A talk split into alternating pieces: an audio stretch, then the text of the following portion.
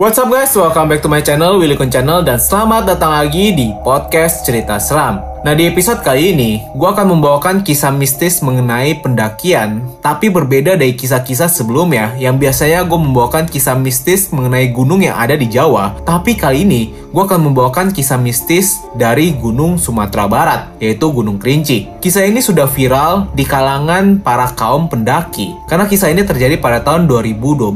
Diceritakan, di Gunung Kerinci ini terdapat kaum jin yang disebut dengan kaum bunian. Nah pada tahun 2012 itu, ada beberapa anak muda yang kabur dari kejaran polisi dan berencana untuk camping selama tiga bulan di gunung tersebut. Selama camping, mereka menemukan banyak permasalahan, tersesat, dan salah satunya adalah diganggu oleh makhluk mistis yang tinggal di Gunung Kerinci. Nah, bagaimana kisah mistis ini akan langsung saja gue bawakan kepada kalian. Let's go!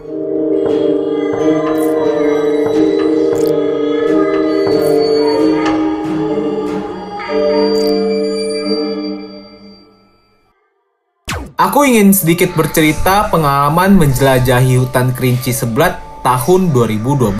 Dua minggu kami lalui merabahaya, binatang buas, hal mistis, kelaparan, dan tersesat. Itu sangat mudah terjadi di gunung ini. Aku orang Sumatera Barat, kampungku di pesisir selatan. Kenapa kami bertualang? Ceritanya gini, pemuda kampungku ada masalah pada kantor polsek setempat karena motor ditilang di depan pintu rumah. Sungguh ini perilaku tidak etis sekali. Lalu pemuda menyusun rencana untuk demo dan terjadilah demo besar-besaran karena banyak warga yang kesal atas ulah atau tindakan polsek setempat. Demo tak terbendung, akhirnya dari demo kantor polisi pun hancur. Komputer dan alat-alat lain lebur, tahanan banyak yang kabur pada malam itu. Paginya, polisi dari Sumatera Barat semua turun cari pemuda di kampungku.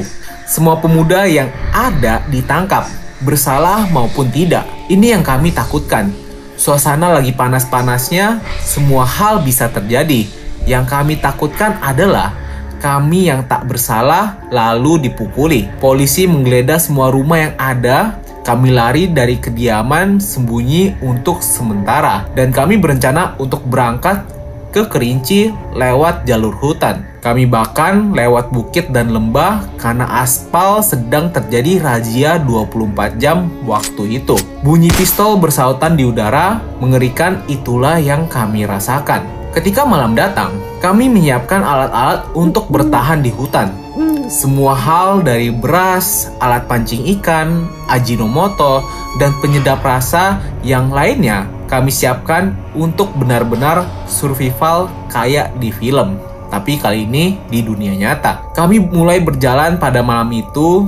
Oh iya, kami bertiga. Ada satu yang berumur 48 tahun.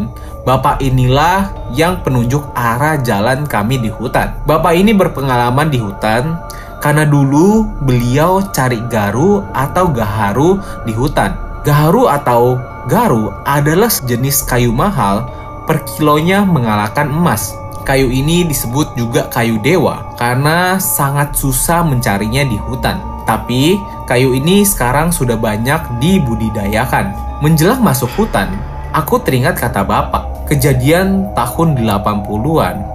Di hutan kerinci sebelat banyak orang yang meninggal dimakan harimau. Totalnya yang aku tahu, ada tujuh orang meninggal secara sadis. Ada yang meninggal karena mereka cari balok kayu di hutan kerinci. Di tengah perjalanan, mereka menemukan anak harimau di tepi sungai. Dan salah satu temannya mencuil anak harimau itu dengan kakinya. Lalu anak harimau itu mengerang seperti memanggil induknya. Semenjak itu mereka diteror oleh harimau. Pada malamnya, mereka tidur di camp tenda dari alas kayu, kemudian atapnya terpal. Lalu pada saat tidur, malamnya itu salah satu dari mereka diterkam di leher lalu diseret ke semak-semak. Temannya semua panik dan memilih pulang. Dan ketika warga mencari, hanya tulang belulang yang tersisa. Oh iya, aku lanjutkan ceritaku. Singkatnya, kami masuk hutan vegetasi dan mulai rapat dengan lebatnya pepohonan. Kami bertemu lagi dengan tiga orang lainnya yang mau berangkat ke Kerinci juga. Ini orang bertiga termasuk buronan polisi. Namanya tercantum karena ikut demo. Ah, kami tak peduli, malah kami senang ada teman yang mau bergabung biar bisa tolong menolong apa pun yang terjadi dalam hutan penuh misteri ini. Singkatnya, kami sering camp di hutan dan jalan-jalan tak ada hal yang aneh. Tak terasa satu minggu berjalan, tibalah di pertengahan hutan antara Sumatera Barat dan Jambi. Di sini, kami banyak sekali melihat jejak kaki harimau seluas piring nasi. Kami benar-benar takut dan melihat hal itu. Bapak yang berpengalaman menenangkan kami dengan cara Tenang, harimau di sini kita sebut ninik. Ninik adalah nenek moyang sesepuh yang telah meninggal yang berwujud harimau. Kata bapak itu, harimau gak makan kita apabila kita gak sesumbar dan sombong. Angku dalam hutan dan kita gak ngambil buruannya juga. Bapak ini sangat sering ketemu si belang, tapi sebelang malah santai pergi katanya. Jejak rusa, kijang, tapir menghiasi jalan kami bermacam jenis kera, siamang, seakan berbunyi mengikuti langkah kami yang agak takut. Di sini, kami menemukan keanehan jejak manusia tak pakai sepatu, jejak orang pandak. Pandak adalah manusia setengah kera yang dicari peneliti asing di hutan kerinci sebelat dan belum tahu keberadaannya sampai saat ini. Tapi, orang pandak sering ditemukan penduduk lokal. Orang pandak berbentuk pendek, bahunya lebar, jejaknya luas tapi pendek, dan pastinya berbulu. Ini tentu bukan manusia, karena jarang sekali kami lihat jejak manusia di tengah hutan ini selain pemburu, dan itu pun sangatlah jarang. Kami menemukan jejak ini dekat rawa-rawa yang ditumbuhi pohon salak, kata bapak yang ahli navigator darat ini. Orang pandak sangat suka makan buah salak hutan. Jejaknya masih basah menandakan dia baru kabur saat dengar kami datang. Singkat cerita, hari mulai gelap di senja itu. Kami duduk tepi sungai dan memikirkan gimana tempat camp kami. Kami dibagi untuk mencari makanan karena stok makanan kayak sarden dan mie instan sudah habis. Kami harus survival, kami mencari cendawan yang bisa dimakan dan batang pohon intinya yang bisa kami makan semuanya. Kami juga memancing ikan buat lauk pauk. Kalau pintar dan ngerti, kita gak akan pernah kelaparan dalam hutan. Kami juga masih awam terhadap hutan Bapak yang ahli navigasi ini banyak kasih ilmu ke kami tentang cara bertahan hidup. Singkatnya, kami sudah mendirikan tenda di tengah sungai. Sungai ini berbentuk seperti pulau. Di tengahnya daratan dan di pinggirnya itu sungai. Di situlah kami mendirikan tenda bermaksud terhindar dari binatang buas. Sejak itu, kami ditemani kicau burung dan bunyi binatang buas khas hutan kerinci sebelah. Kami mulai terdiam karena dengar orang bernyanyi.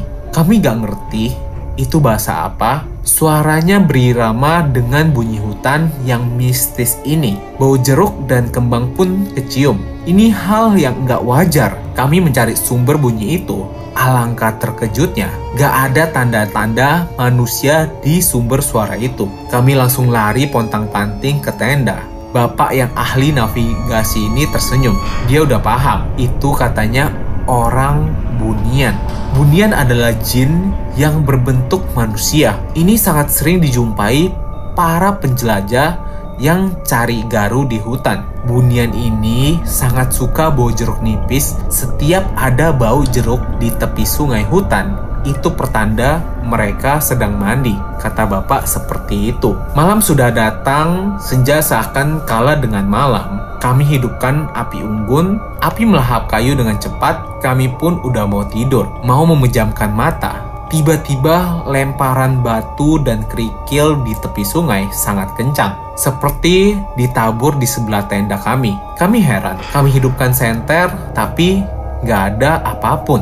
Setelah itu, kami mau tidur lagi. Lemparan itu datang lagi sangat kencang, dan itu terjadi ketiga kalinya. Seperti makhluk ini tidak mengizinkan kami tertidur pada malam itu. Setiap api mau padam, lemparan datang lagi. Kami merinding seakan terdiam di malam itu. Ditemani percikan air, bunyi binatang pada malam hari khas hutan lindung kerinci, dan sebelat kabut mulai menutupi sudut pandang kami. Bayangkan betapa mistisnya pada malam itu. Kami buatlah aturan harus ada yang jaga api pada malam itu dan gantian. Ketika mata mau terpejam, teman yang jagain api malah kerasukan. Dia seperti harimau, kadang juga berbicara. Kalian ngapain di sini? Katanya, kami jawab, Kami niat baik, hanya numpang lewat. lalu mengamuk bak harimau.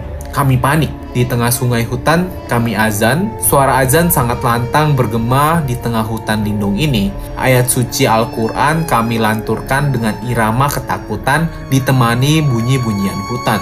Memang mistis. Aku saja merinding mengingat hal itu. Dan yang kerasukan sadar setelah itu. Nah setelah itu, nggak ada hal aneh lagi terjadi, kami bisa tertidur sebentar. Paginya, kami duduk di batu besar sambil ngopi dan bercerita kejadian malam itu sambil tertawa melepas stres pada malam itu. Singkat ceritanya, kami mulai jalan lagi dan tersesat. Kami menaiki Bukit Lumut, kami menamai Bukit Lumut karena ya banyak lumut di bukit tersebut. Sangat tinggi, berjam-jam kami baru menyampai puncak dari Bukit Lumut tersebut. Dan singkatnya, kami tersesat lagi dan menemui air terjun sangat indah Ya ampun, itu tinggi sekali dilapisi batu-batu besar. Sialnya, nggak bisa foto dan baterai HP kami sudah habis waktu itu. Lalu kami menemukan jalan pulang. Setelah mau nyampe ke permukiman penduduk, kami menemukan ladang orang. Di sini, kami bercerita panjang dan cerita kejadian waktu hal mistis di tepi sungai. Nah, bapak yang ada di ladang itu mendengar cerita ini mengatakan ada orang yang meninggal dulu di tepi sungai karena ada yang meracuni ikan di hulu. Beliau yang ada di tepi sungai ini tidak tahu, lalu meminum air di tepi sungai tersebut dan akhirnya meninggal tepat di pulau tepi sungai tempat kami membangun camp. Kami semua merinding karena dihantui pada malam kemarin. Ini pengalaman yang tak pernah bisa saya lupakan. Pengalaman yang sangat berarti. Karena ini akhirnya aku menjadi suka naik gunung dan menjelajahi hutan. Hutan kerinci adalah hutan lindung. Satuannya endemik masih terjaga. Saya mendengar cerita dari orang-orang yang sudah tua yang kerjanya dulu cari gaharu. Banyak pengalaman mistis yang mereka ceritakan. Semoga hutan ini terus terjaga.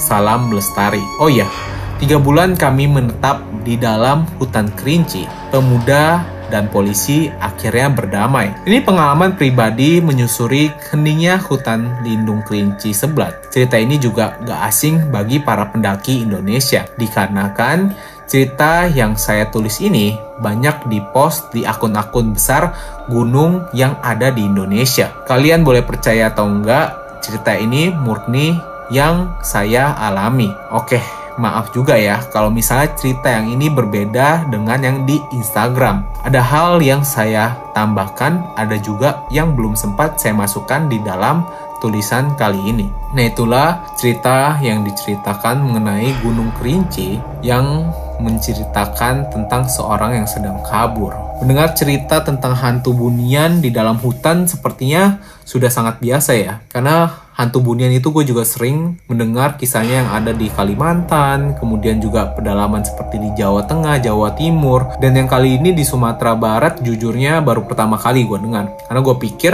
ada beberapa hantu yang mungkin gak bisa melewati pulau ya. Karena kalian tahu gak sih, hantu-hantu atau jin itu, atau santet ya tepatnya ya, ada kemampuan yang tidak bisa melewati pulau. Jadi gue kira di Sumatera Barat hantunya itu bukan hantu bunian, rupanya masih sama. Karena hantu bunian itu kan biasanya ada di Kalimantan ya, bener gak sih? Nah itu sih yang gue tahu. Gimana? Kalian ada gak sih kisah-kisah yang menyeramkan seperti ini juga? Kalau kalian mau share cerita seram kalian, kalian bisa langsung aja DM di Instagram gue di Wikun. Itulah kisah hari ini guys. Thank you guys for listening this podcast cerita seram. Gue Willy Kun mau izin untuk undur diri dulu. See you guys in the next video. Willy Kun sign out. Bye.